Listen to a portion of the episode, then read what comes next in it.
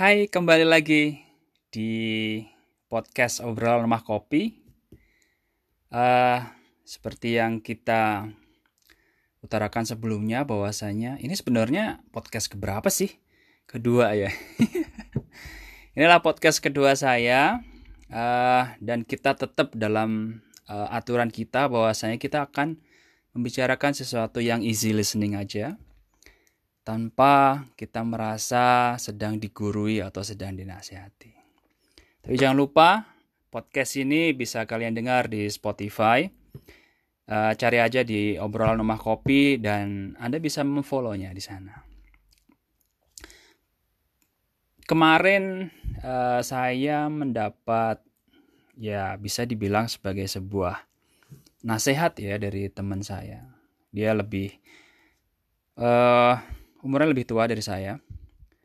Tapi saya anggap wise banget dan itu bikin apa ya cukup menginspirasi saya dalam menjalani hidup saya. Kemarin dia nulis sebuah uh, tulisan yang cukup singkat sebenarnya bahwasanya practice doesn't guarantee you will get success but it will brings you to achieve something. Bahwasanya kalau kita melakukan sesuatu berulang-ulang, kita melakukan belajar, kita melakukan uh, menyelesaikan suatu masalah, terus kita melakukan latihan setiap hari dalam hidup kita, memang latihan tersebut tidak menjamin bahwasanya kita akan mendapatkan sukses melalui latihan tersebut. Tapi ingat bahwasanya dengan latihan, kita, latihan tersebut membawa kita untuk mencapai sesuatu. Paling mudah adalah olahraga. Kalau kita praktis setiap hari yang sebelumnya seperti saya yang plank satu menit aja, wuh, susahnya minta ampun. Tapi dengan praktis yang sebelumnya hanya cuma 15 detik yang seperti saya lakukan tiap hari, kita bisa mencapai dengan 20 detik, 30 detik. Dan mungkin seperti yang dianjurkan oleh para influencer yang di YouTube tentang olahraga bahwasanya plank paling enggak satu menit. Kalau kita latihan tiap hari, ya bisa aja kita bisa plank selama satu menit setiap hari. So, latihan akan membawa kita kepada sesuatu, bukan menjamin kita untuk mendapatkan sukses. Oke, tema kali ini adalah um, sebenarnya saya agak susah juga untuk menerjemahkannya. Tapi apa yang terjadi ketika kita melakukan hal tersebut, itulah yang menjadi gambaran kita dalam menilai sesuatu atau seseorang. Saat ini kita, saya coba membahas untuk uh, membicarakan tentang persepsi. Persepsi sering diartikan secara bukan secara ilmiah ya, tapi secara simpel saja bahwasanya persepsi adalah bagaimana kita menyusun, mengenali, dan menafsirkan untuk memberikan gambaran dan pemahaman dengan atau tentang sesuatu hal atau tentang seseorang. Persepsi itu bisa terbentuk atau banyak terbentuk oleh pembelajaran kita, bagaimana cara kita belajar untuk mempersepsikan sesuatu atau seseorang, tentang ingatan kita, tentang harapan, dan bisa juga perhatian kita terhadap apa yang akan kita persepsikan. Sebagai contoh ini bagaimana saya mempersepsikan diri saya sendiri.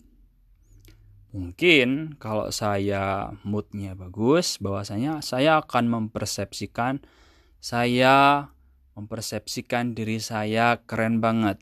Saya telah mencapai sesuatu di umur segini, saya sudah mencapai ini, saya sudah memiliki ini. Karena apa? Mood saya bagus, saya akan mempersepsikan secara positif. Tapi apa yang terjadi? Ketika mood saya jelek banget, saya akan mempersepsikan mungkin berlawanan dengan apa yang uh, sudah saya persepsikan sebelumnya. Saya akan mempersepsikan diri saya sendiri bahwasanya ketika saya bad mood banget, saya akan menilai bahwasanya saya itu useless. Saya nggak bisa menghasilkan apa-apa. Saya nggak bisa berbuat apa-apa di tengah kondisi seperti ini. Apalagi dengan kondisi pandemi seperti ini ya, yang banyak corona kita uh, kita di PHK atau kita kehilangan pekerjaan atau kehidupan sehari-hari kita bingung mau diapain ini. Kita akan sering kali mempersepsikan diri kita sendiri adalah seorang yang lemah. Nah sekarang, apa yang terjadi ketika kita mempersepsikan orang lain? Mungkin akan sama. Nah yang jadi masalah adalah yang jadi batasan kita bahwasanya persepsi kita itu salah atau benar adalah ketika bagaimana cara kita melatih diri kita untuk belajar, untuk mengetahui sesuatu sehingga timbul ingatan, sehingga timbul pengalaman, sehingga timbul apa pun itu yang ada dalam hidup kita secara positif. Sebagai contoh, kita coba mempersepsikan tokoh bangsa. Anggap saja Pak Habibie yang eh, telah meninggal dunia, telah meninggalkan kita. Dia adalah tokoh bangsa yang saya anggap luar biasa.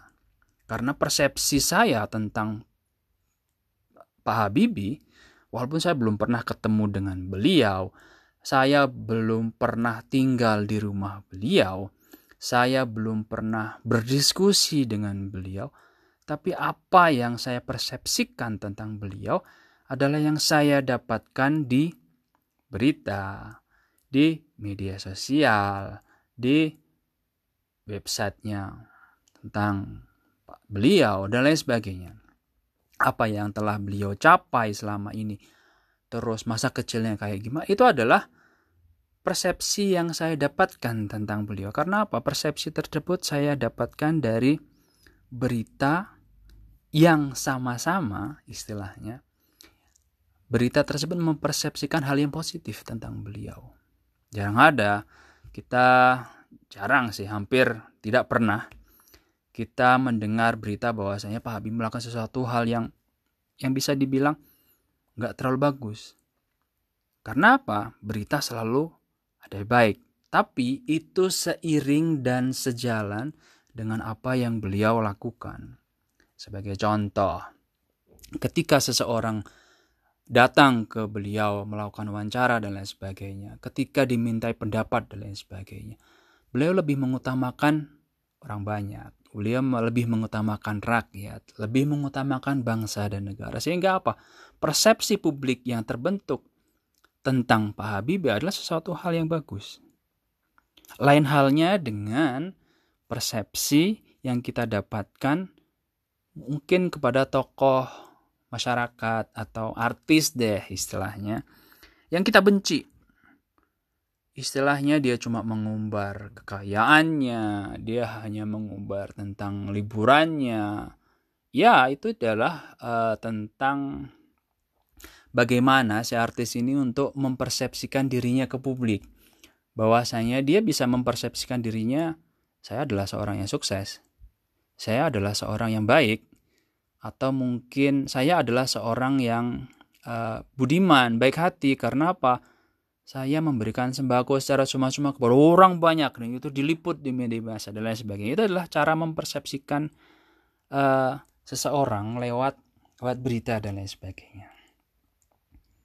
Nah, ya jadi